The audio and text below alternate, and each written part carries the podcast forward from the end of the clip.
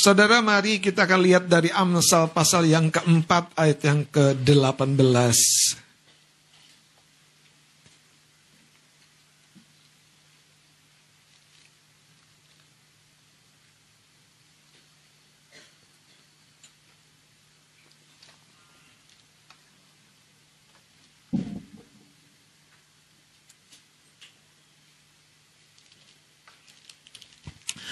Amsal pasal yang keempat ayat 18.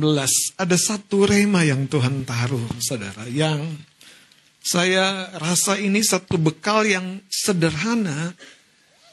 Tapi akan membuat kita tidak akan terhenti di titik mana sepertinya kita sedang mandek. Kalau boleh saya beri judul firman Tuhan pada pagi hari ini, kesetiaan orang benar di jalannya, nyanya kecil ya Kadang kita pengen di jalan yang lambat, jalannya cepat, sebelah kiri, sebelah kanan. Pernah nggak ada di jalan tol?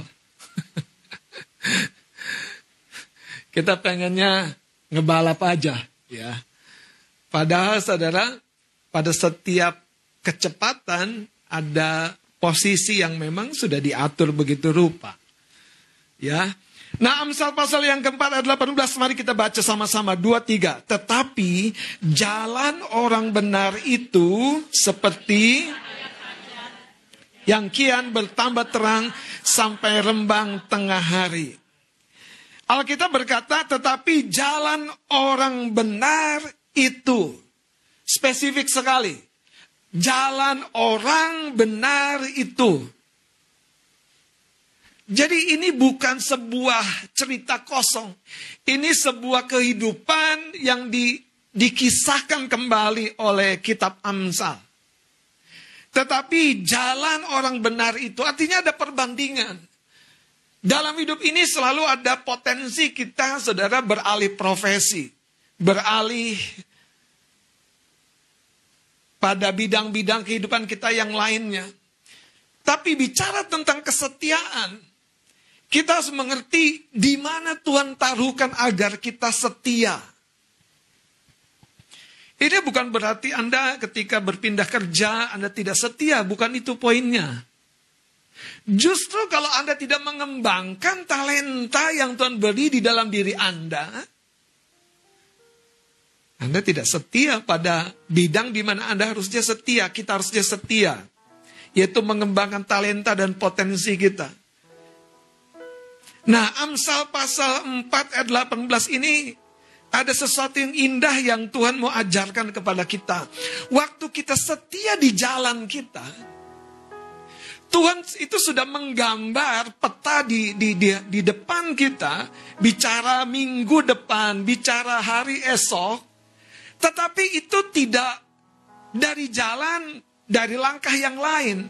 Tapi itu dimulai dari langkah bahkan di mana kita sepertinya diperhadapkan dengan beban. Diperhadapkan dengan masalah. Itu sebabnya kita harus mengerti hidup kita bukan bicara tentang kemudahan, kenyamanan semata-mata.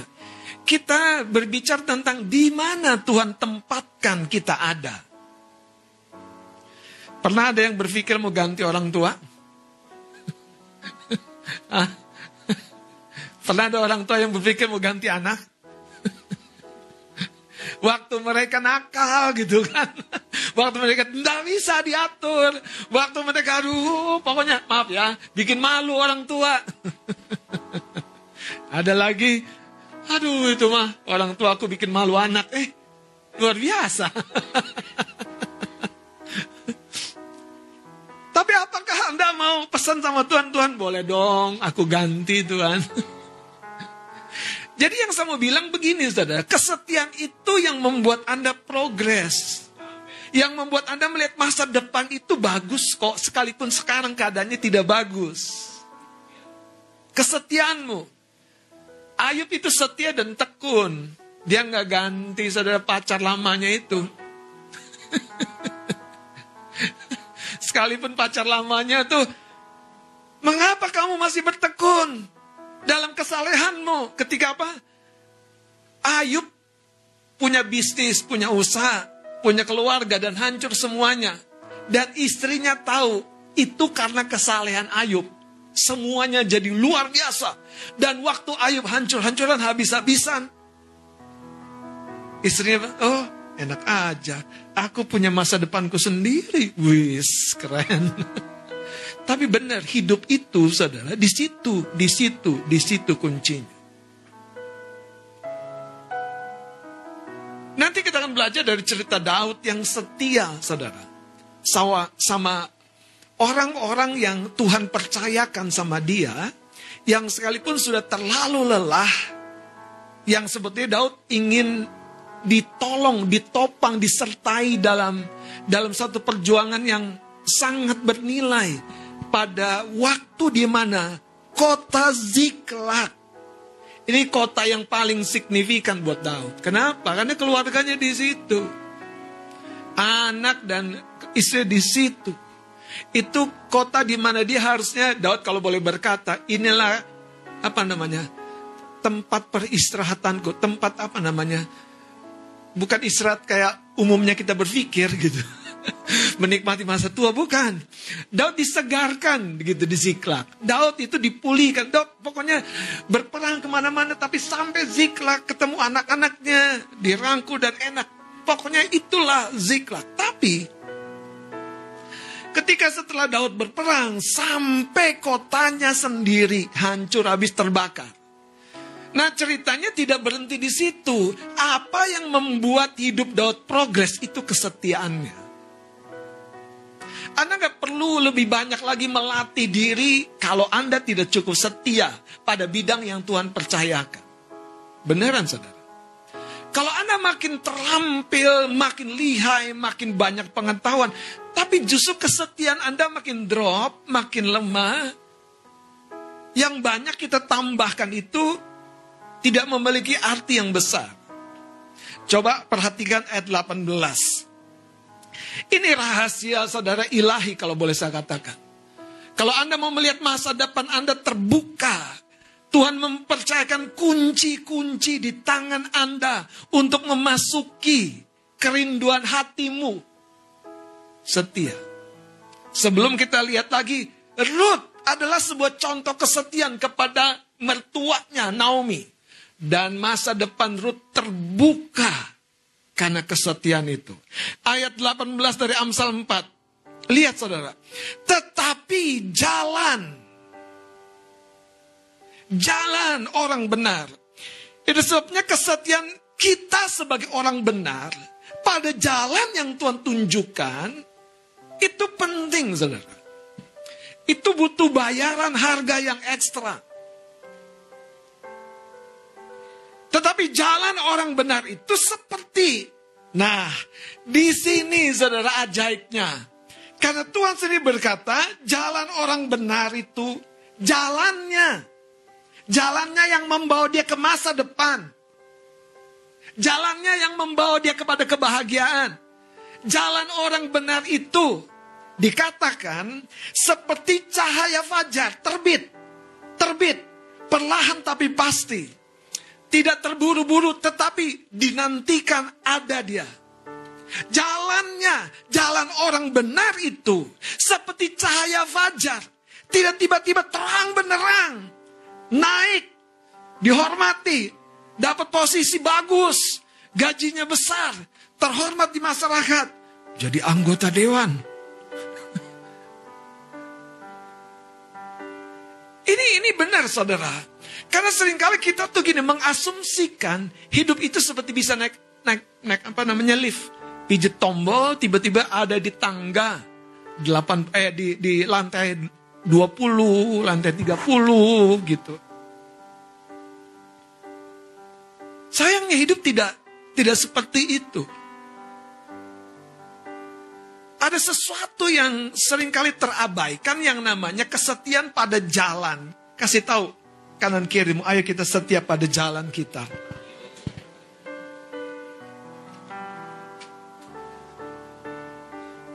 Wow. Kenapa Dorcas pelayan Tuhan yang setia pada bidangnya jahit menjahit. Ada baca di kisah Rasul ya. Yang menjadi berkat buat banyak lansia. Dan ketika Dorcas sakit dan meninggal, semua orang yang ditolong itu justru mengundang Rasul Petrus untuk mendoakan Dorcas dan Dorcas bangkit kembali. Apa yang membuat Dorcas punya investasi yang membuat orang-orang lansia-lansia, ibu-ibu yang dia udah mati. Tapi orang ini yang diberkati melalui talentanya Dorcas itu bekerja bagi Dorcas yang sudah mati. Makanya saudara, setialah pada jalanmu. Haleluya. Bapak ibu di rumah tangga, suami-suami setialah pada jalanmu. Haleluya. Kalau Anda harus berjaga lebih daripada pasanganmu, aku akan dimampukan setia. Kalau Anda sebagai istri, kok aku begini begitu setialah pada jalanmu. Kesetiaanmu itu yang akan membuat engkau progres. Saudara, begini loh saya kasih tahu. Sebelum kita gali lebih dalam lagi, Ishak itu setia pada bisnisnya. Itu yang membuat akhirnya dari dia bercocok tanam, berladang, dia punya kambing domba, dia punya unta, dia punya punya kerbau, dia punya banyak sekali, saudara. Dan di tahap yang itu, dia punya banyak anak buah, dia punya banyak asisten, Enak gak kalau ada ungkapan, wah oh, dia mah enak, asisten rumah tangganya banyak. Kan enak tuh dengernya kan. Asisten rumah tangganya aja banyak coba. Apakah itu bisa terjadi? Sangat bisa terjadi. Yang ngurus kebun ada, yang ngurus dapur ada, ya kan uman lo kan? Betul. Yang ngurus semua kendaraan kita ada. Coba, waktu kita bangun, Tugas kita ngapain? Jadi imam di hadapan Tuhan seperti Ayub. Mempersembahkan korban.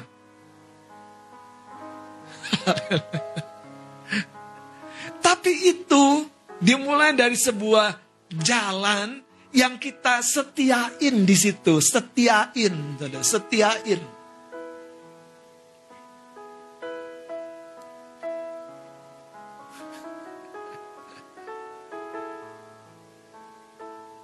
Kalau Anda jadi olahragawan, sebentar mau main bulu tangkis. Sebentar mau main sports. Sebentar mau main apa lagi? Tenis meja. Sebentar mau catur ya. Kira-kira saudara jadi nggak tuh? Jadi nggak? saya saya terkagum kalau kalau kalau baca profil juara-juara olahraga khususnya wanita ya di di olahraga yang cukup apa namanya menghilangkan apa keelokan dirinya sebagian. Gimana saya mengungkapkannya? Karena juara tenis lapangan wanita Indonesia, waktu dia harus berjemur di lapangan latihan di terik matahari, dibilang, so what? Tapi kalau udah di posisi dia sekarang, yang hitam bisa jadi putih lagi. Ya kan? Bisa. Hidup ini kalau Anda masuk ke level tertentu, saudara, yang mungil bisa jadi kuat besar lagi. yang tidak berdaya, yang kayaknya tidak ada apa-apa. Ih, kita punya semuanya. Masalahnya untuk memasuki tahap itu, ada satu anak kunci yang namanya kesetiaan di jalan yang Tuhan berikan kepada kita. Mari kita lihat saudara, ayat yang ke-18. Tetapi jalan orang benar itu katakan seperti cahaya fajar. Baca lagi. Yang kian bertambah terang sampai rembang yang kian bertambah terang sampai nih tengah matahari tepat di atas kepala. Sampai matahari, sampai rembang tengah hari. Haleluya. Mari sekarang lihat 1 sampai pasal 30. Ada satu cerita yang bagus sekali dari Daud. Kita akan lihat ayat yang ke-21. Kita sudah baca bagaimana Daud bertekun bagaimana Daud meminta Abiatar mengambilkan baju efod dan Daud setia membawa penyembahannya. Setia saudara pada jalanmu. Setia pada jalan yang dipercayakan kepadamu. Dan di sana kan Anda akan menggenapi firman ini. Kian hari kian bertambah terang sampai terang yang maksimal. Lihat saudara ayat yang ke-21 saya akan baca.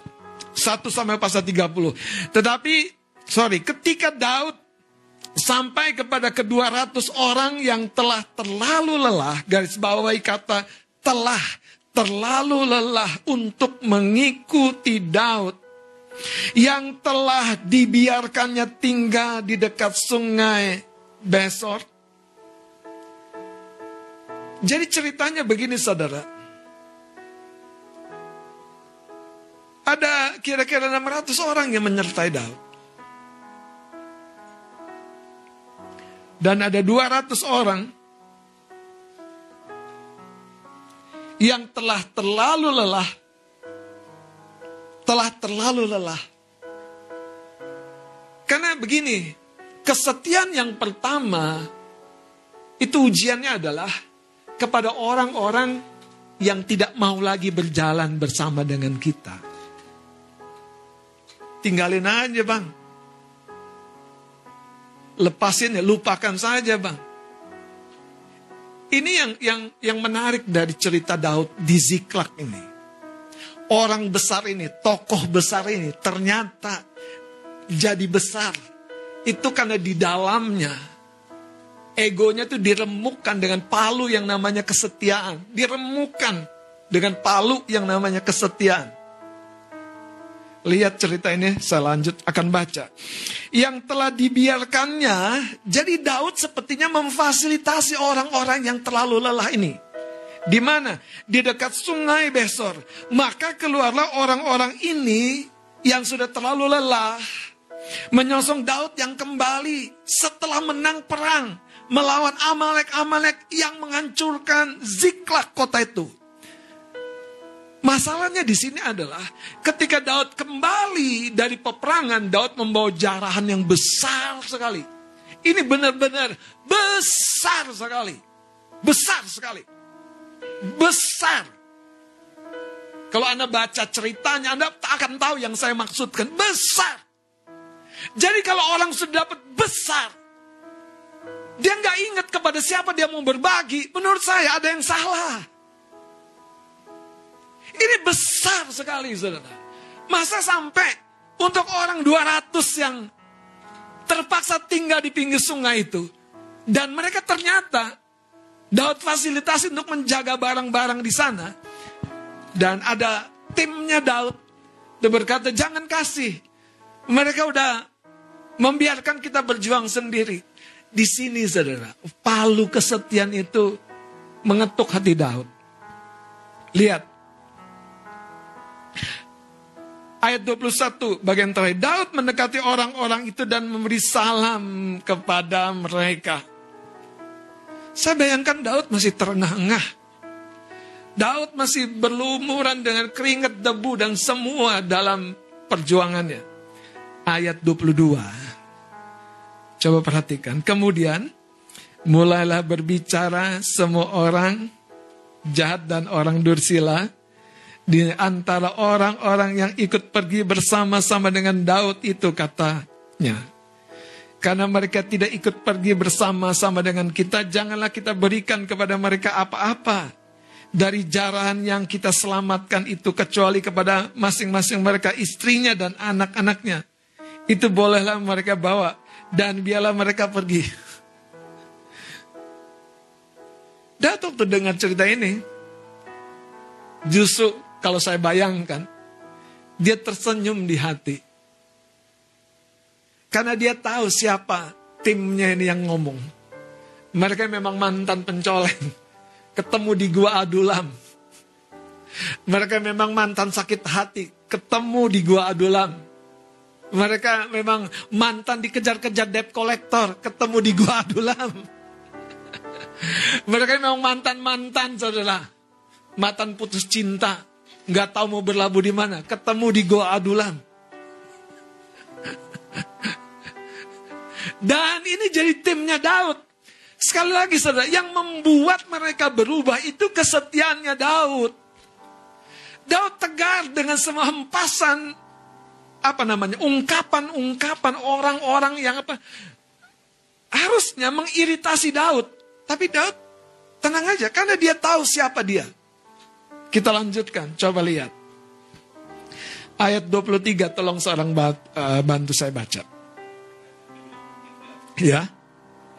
Berkata, janganlah kamu saudara-saudaraku berbuat demikian. Halus ya. Janganlah kamu saudara-saudaraku. Ini beneran saudara. Padahal ini orang-orang apa namanya rakus Orang-orang udah nggak peduli. Dan ada alasan katanya apa? Orang-orang ini nggak berperang sama kita. Tapi inilah hati saudara yang membuat Daud melihat jalan-jalan yang terbuka ini akan bisa terbuka lebih lebar lagi. Saya mau berkata apa pun masalahmu. Setialah pada jalan di mana Tuhan arahkan. Setialah pada jalan, pada tempat di mana Tuhan taruhkan. Kesetiaanmu yang akan membuat Tuhan tidak bisa tidak, dia harus mendukungmu. Karena dia adalah sang setia. Lanjutkan dengan apa yang diberikan Tuhan kepada kita. Lihat, Daud ngerti membandingkannya. Dibandingkan kemurahan Tuhan ya. yang kita terima ini. Ya. Janganlah kamu saudara-saudaraku berbuat demikian. Janganlah yang sudah lelah, yang sudah lemah ini, hatinya bahkan di, di, dibuat makin kecil lagi. Ya. Jangan. Saya rasakan belas kasihannya Daud kepada orang-orang lelah ini. Dan itu yang membuat tahta Daud itu tidak tergoyahkan. Lanjut. Sebab ia telah melindungi kita. Sebab Tuhan telah melindungi kita. Dan menyerahkan ke dalam tangan kita. Dan telah menyerahkan ke dalam tangan kita. Gerombolan yang menyerang kita. Gerombolan Amalek itu yang menghancurkan kota Ziklak. Daud penuh dengan belas kasihan yang membuat dia setia.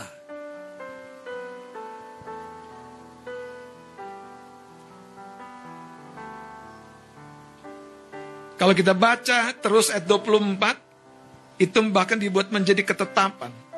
Sampai ayat 25, sejak hari itu. Sejak? Ya, baca. Ayat, oh. Ayat 25. Ayat 25. Dan, dan demikian. Dan demikianlah halnya sejak hari itu dan seterusnya. Hal itu ditentukannya menjadi ketetapan dan peraturan bagi orang Israel sampai sekarang. Jadi peraturan di zaman itu terwujud karena ada orang yang setia kepada yang lemah, setia pada yang kecil, setia pada yang tidak berdaya. Itu kesetiaan yang pertama dari Daud. Coba saudara lihat ayat 26. Jadi ini yang menarik saudara. Ayat 26 saya baca. Ketika Daud sampai ke Ziklat, dikirimnyalah sebagian dari jalan itu kepada para tua-tua di Yehuda. Daud tahu. Buat apa aku nikmati bermegah-megah sendiri? Bahkan kalau Anda baca cerita ini, siapa tua-tua? Ini naungan bagi seluruh umat. Jadi sepertinya Daud tahu. Perolehan yang besar dari Tuhan ini, dia lepaskan kepada para tua-tua, para pemimpin umat. Dan membuat para tua-tua itu menyatu kembali hatinya dengan seluruh Israel. Wow. Saya baca ya, dikatakan begini. Sebagian dari jaran itu kepada para tua-tua di Yehuda.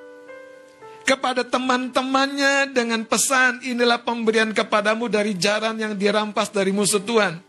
Kalau Anda baca 27-nya, itu yang saya bilang, jarannya ternyata besar sekali, saudara yakni kepada yang di Betel, kepada yang di Ramot, di tanah selatan, kepada yang di Yatir, kepada yang di Aror, kepada yang di Simot, kepada yang di Estemoa. Wow. Jadi saya bayangkan Daud itu mungkin saudara. Kenapa ya pikirannya bisa luas sekali. Daud kenapa dia bisa peduli kepada orang yang tidak lagi sedang bersama dengan dia. Daud bisa berbagi bahagia Dan ini yang membuat Tuhan mempercayakan perkara besar kepada Daud. Saya mau tunjukkan dari mana saudara. Daud lelah, kita naik sedikit. Ketika Daud pada ayat 6-nya, lihat 1 sama 30, ayat 6-nya. Sangat apa? Terjepit, sendirian. Coba baca ceritanya. Karena rakyat hendak melempari dia dengan batu. Seluruh rakyat itu telah pedih hati. Jadi Daud sendirian. Bapak Ibu, kita harus setia berdasarkan bukan kepada kesetiaan orang kita bisa setia berlandaskan kepada kesetiaan Tuhan bagi kita. Kalau Anda setia karena ada orang sudah setia, Anda selalu mengukurkan diri Anda tidak kepada sang penjunan hidupmu, tapi kepada manusia-manusia yang pada umumnya. Ya dan amin, manusia bisa berubah. Tapi kalau Tuhan menyertai, yang mudah berubah itu akan kokoh. Daud sangat terjepit. Siapa yang mendukung dia? Nggak ada. Dia berdoa. Saya akan lebih cepat lagi dari ayat 6 ini. Kan Daud bertanya, haruskah aku mengejar gerombolan itu? Ayat 8-nya. Akan dapatkan mereka susul. Dan Allah berfirman kepadanya apa? Kejarlah. Jadi kalau Tuhan memberi arahan satu dua langkah, satu dua langkah bahkan arahan yang terlalu kecil Kayaknya tidak signifikan, bahkan tidak jelas. Setialah pada jalan jalanmu. Setia pada jalanmu sebagai orang benar. Dia pasti membuka cerita hidupmu selanjutnya. Mari kita lihat saudara. Ayat 9. Lalu pergilah Daud beserta ke 600 orang yang bersama-sama dengan dia. Dan sampailah mereka ke sungai Besa sementara orang-orang yang mau tinggal di belakang berhenti di sana. Nah itu 200 orang itu. 600 bersama dia 200 berhenti di tepi sungai. Ayat 10 maka Daud melanjutkan pengejaran itu berserta 400 orang. 200 orang yang terlalu lelah untuk menyeberangi sungai Besor itu berhenti di sana. Ingat ini Daud belum sempat istirahat Pulang dari peperangan sampai kota, kota hancur terbakar. Semua orang mengintimidasi dia, mengancam dia, Daud. Ini gara-gara kamu. Daud sudah ketakutan, depresi. Daud minta Abiatar ambil baju efod menyembah. Dan selesai itu, Tuhan berkata, kamu mampu mengejar. Coba, di logika kita, saudara. Hari ini saya mau berdoa, kesetiaanmu di jalan yang Tuhan tunjukkan itu dilandaskan bukan kepada kesetiaan manusia, tapi kesetiaan Dia yang telah membawa engkau sampai sejauh ini.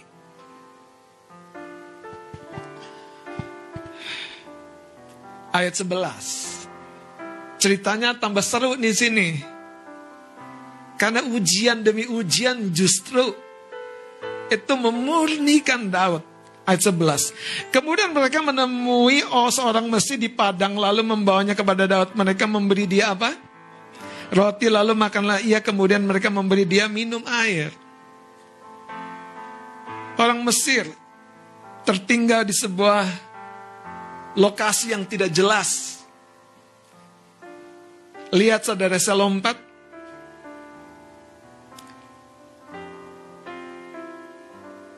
Ayat 13. Kemudian bertanya Daud kepada budak, siapakah engkau, dari manakah engkau? Jawabnya, aku ini seorang pemuda Mesir, budak kepunyaan orang Amalek. Tuanku meninggalkan aku karena Haleluya. Anda tahu orang-orang yang ditinggalkan, orang-orang yang dibuang, itu orang-orang yang dipedulikan Daud.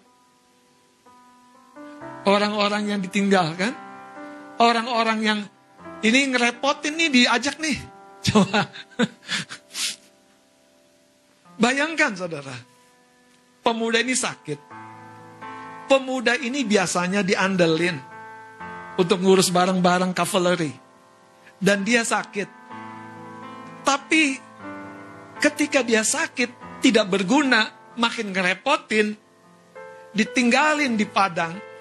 Daud menemui harta terpendam itu.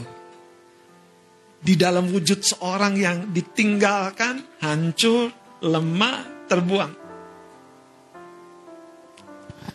Kalau Anda ketemu kucing, anjing di jalan, Anda beri dia makan, Anda dia beri Anda beri dia peluk hangat. Menurut saya, dia akan tahu siapa tuannya yang sesungguhnya. Kesetiaan selalu adalah ekspresi yang tidak mungkin tidak terpahami oleh orang-orang yang bahkan yang layak tidak diajak lagi gitu. Tadi yang sudah lemah 200 orang. Pemuda yang ditinggalkan. Dan waktu orang-orang yang terabaikan ini di jalannya Daud, Daud setia. Apa untungnya buat dia? Tapi justru cerita Ziklak ini berubah dari kesetiaan Daud. Saya percaya kalau engkau dan saya mulai hari ini mengambil sebuah komitmen. Eh, siapa bilang engkau di posisi tinggi, tetap engkau akan di sana. Siapa bilang? Jangan terlalu pongah, jangan terlalu sombong, Jangan terlalu angkuh. Engkau berpikir engkau sudah di posisi yang wow. Gak lama kok itu gak lama, gak lama, gak lama. Saya mau kasih tau gak lama. Tapi kalau engkau setia kepada orang yang rapuh itu, yang lemah, yang ditinggalkan. Orang-orang itu yang akan justru menjaga engkau. Bahkan sama 400 yang di antaranya ada orang-orang yang jahat itu. Yang bilang, eh yang 200 itu kan gak ikut kita perang. Jangan dikasih jatah Mas Adit. Jangan dikasih makan. Orang itu mah cuma enaknya doang. kan kadang-kadang kita suka bilang, kok kalau syukuran aja lu bisa muncul ya? Ada itu jenis yang kayak gitu. Ada saudara, tenang aja. Setialah. Jadi begini, kekasih-kekasih Tuhan. Inilah tahun di mana rumah Tuhan itu akan bertambah-tambah jiwa-jiwa. Saya mau beritahu saudara. Tapi ketika engkau setia, bukan sama orang yang setia, bukan sama orang yang peduli, bukan sama orang yang mendoakanmu kan. yang mendukung pelayananmu kan. Bahkan mungkin yang gosipinmu kan nih. Setialah sama orang-orang itu. Kalau orang itu ada di jalanmu. Ya benar, benar saudara. Kalau orang-orang itu ada di jalanmu, seperti kisah Ayub. Oh Ayub itu orang kaya, orang sukses, dan waktu dia dilupakan, dianggap rendah oleh istrinya sendiri. Ah, bilang Tuhan, iya Tuhan, aku dipecatnya Tuhan jadi suami. Karena kan dibilang mati saja kan. Masih bertekunkah engkau dalam kesalahanmu? Aku dipecat jadi suami Tuhan. Ada uang abang ke saya. Nggak ada.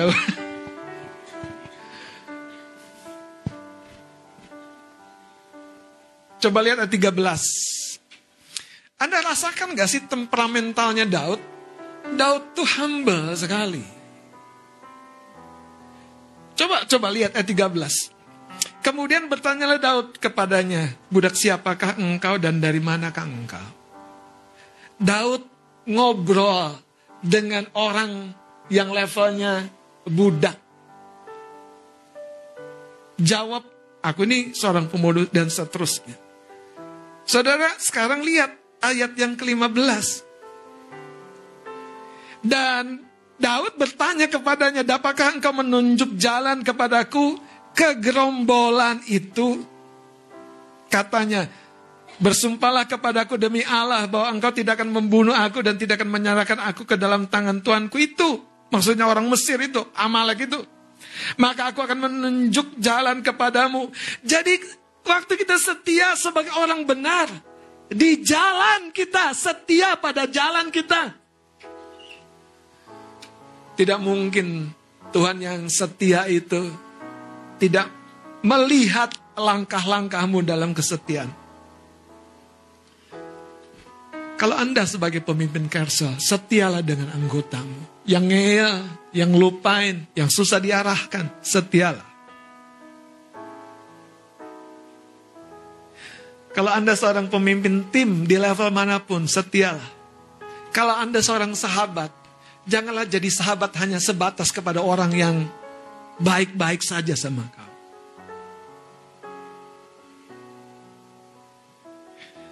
Lihat ayat 15-nya. Ayat 16. Karena ini yang saya bilang, kesetiaan itu membuka pintu-pintu yang tertutup sebelumnya. Ayat 16, tolong Mas Adit baca. Daud ke sana dan tampaklah orang-orang itu berpencar-pencar di Ya, lompat saudara ayat 17-nya langsung. Dan pada keesokan harinya Daud menghancurkan mereka dari pagi-pagi buta sampai matahari terbenam. Wow. Tidak ada seorang pun dari mereka yang lolos kecuali yeah. 400 orang muda yang melarikan diri dengan menunggang unta. Ayat 18. Daud melepaskan semua apa yang dirampas oleh orang Amalek itu. Juga kedua istrinya dapat dilepaskan. Ayat 19. Tidak, Tidak ada, ada yang, yang hilang, hilang hmm. pada mereka dari hal yang kecil sampai hal yang besar. Sampai wow. Ayat 20, laki, coba lihat. Daud mengambil segala kambing, domba, dan lembu. Semuanya itu digiring mereka di hadapannya serta berkata, inilah jarahan Daud. Kekasih-kekasih Tuhan, hidup kita di tahun ini akan menggenapi Amsal 4 ayat 18 ini. Jalan orang benar itu. Jalan orang benar itu. Jalannya saudara, seperti cahaya fajar yang kian bertambah terang. Siapa bilang untuk setia itu tidak ada harga yang harus dibayar? Justru sebaliknya. Daud ditentang oleh timnya sendiri. Karena dia setia kepada orang yang lelah, yang lemah, yang kecil. Daud mungkin tidak sependapat dengan teman-teman yang lain yang bersama dengan dia berperang. Kenapa? Waktu dia membagikan jalan kepada tua-tua bangsa di berbagai tempat. Saudara, itu yang saya bayangkan atmosfer Israel pada waktu itu. Ketika kabar Daud menghancurkan Amalek dan membawa jaran besar, itu menjadi satu kabar yang membuat iman orang Israel dikuatkan kembali. Saya berdoa setiap berkat, setiap kemenangan yang kau capai. Ketika engkau setia kepada orang-orang yang belum mengalaminya dan di sana engkau justru akan menabuh dan menuai kembali dari Tuhan. Sebab dia Allah yang setia, amin.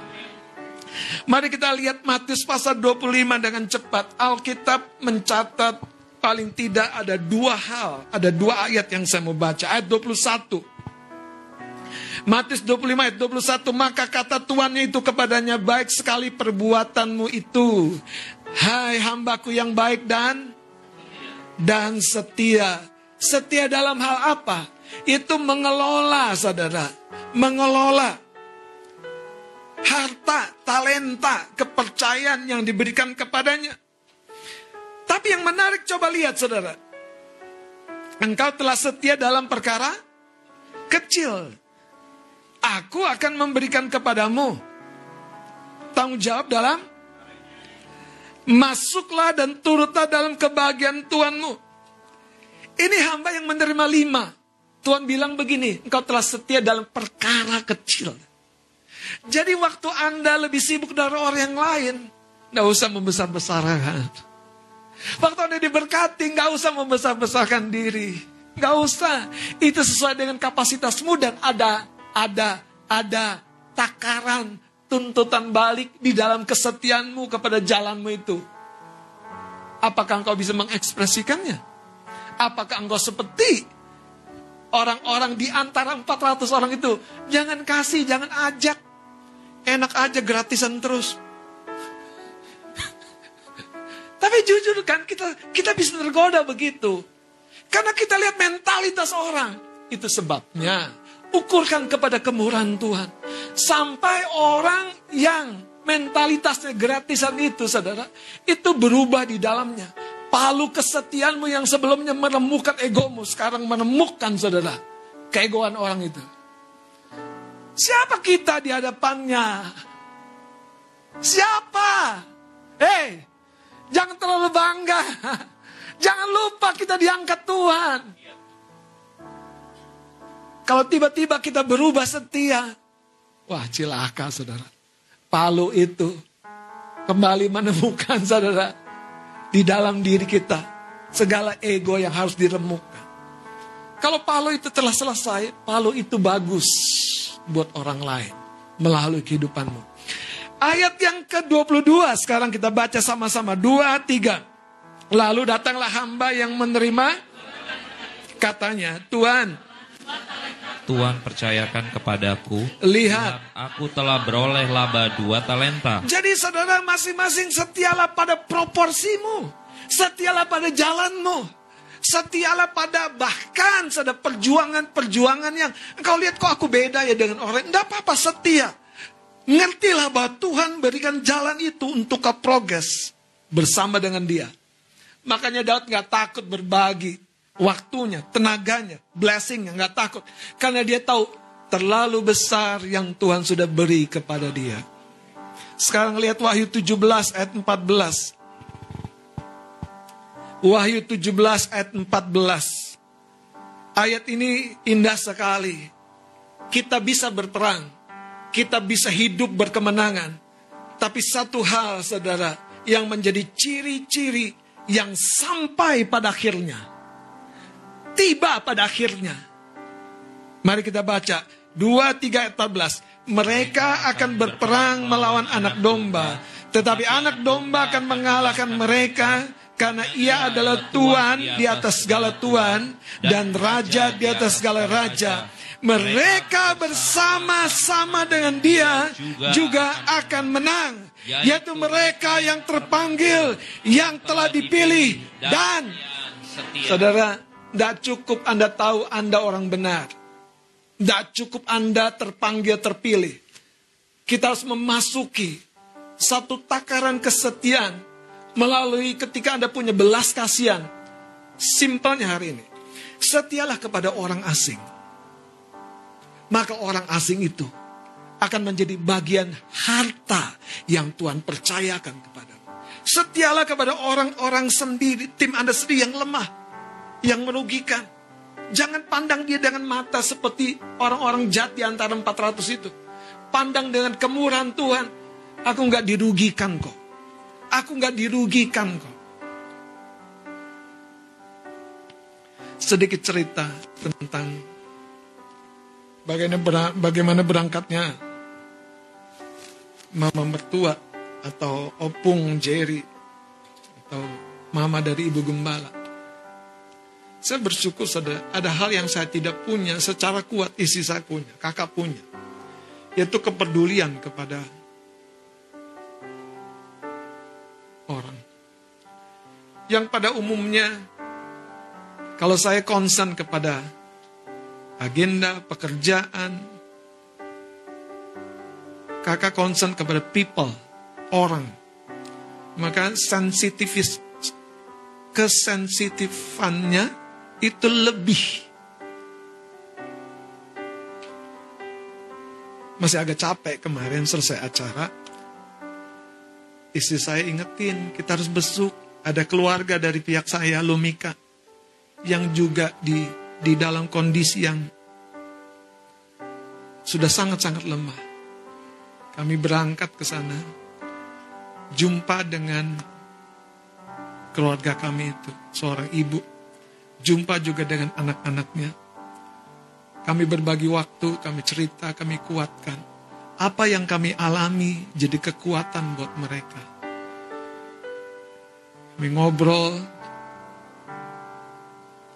Malamnya, saudara, malamnya itu siangnya.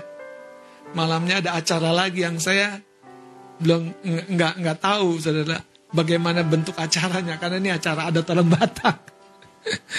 Kami ngumpul dan keluarga dari kakak dari pihak keluarga kakaknya Opung hadir. Nah, itu abang-abang sepupu dari dari Ibu Gembala.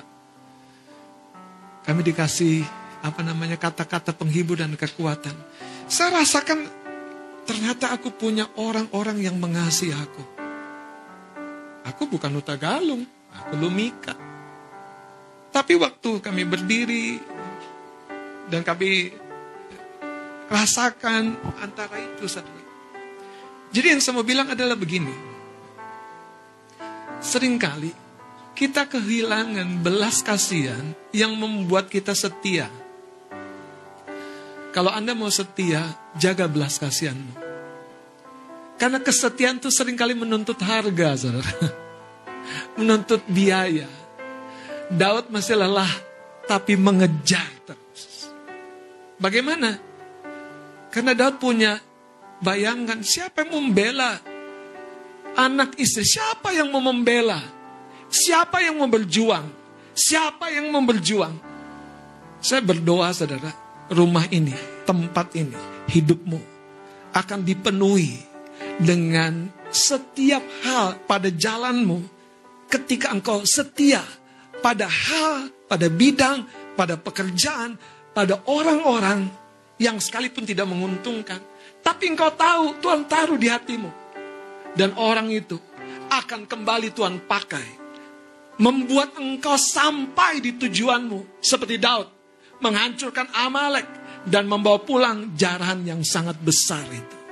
Karena itu saudara. Jangan lepaskan kesetiaanmu. Bertandinglah. Izinkan palu itu meremukan egomu.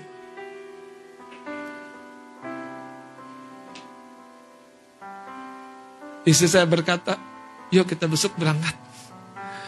Biasa, saya off dulu. Off apa ininya? Off. Ayo, jalan. Jadi kalau ininya terbuka, ini akan beroperasi, saudara. Masih nggak capek, nggak nanti aja, nggak besok aja.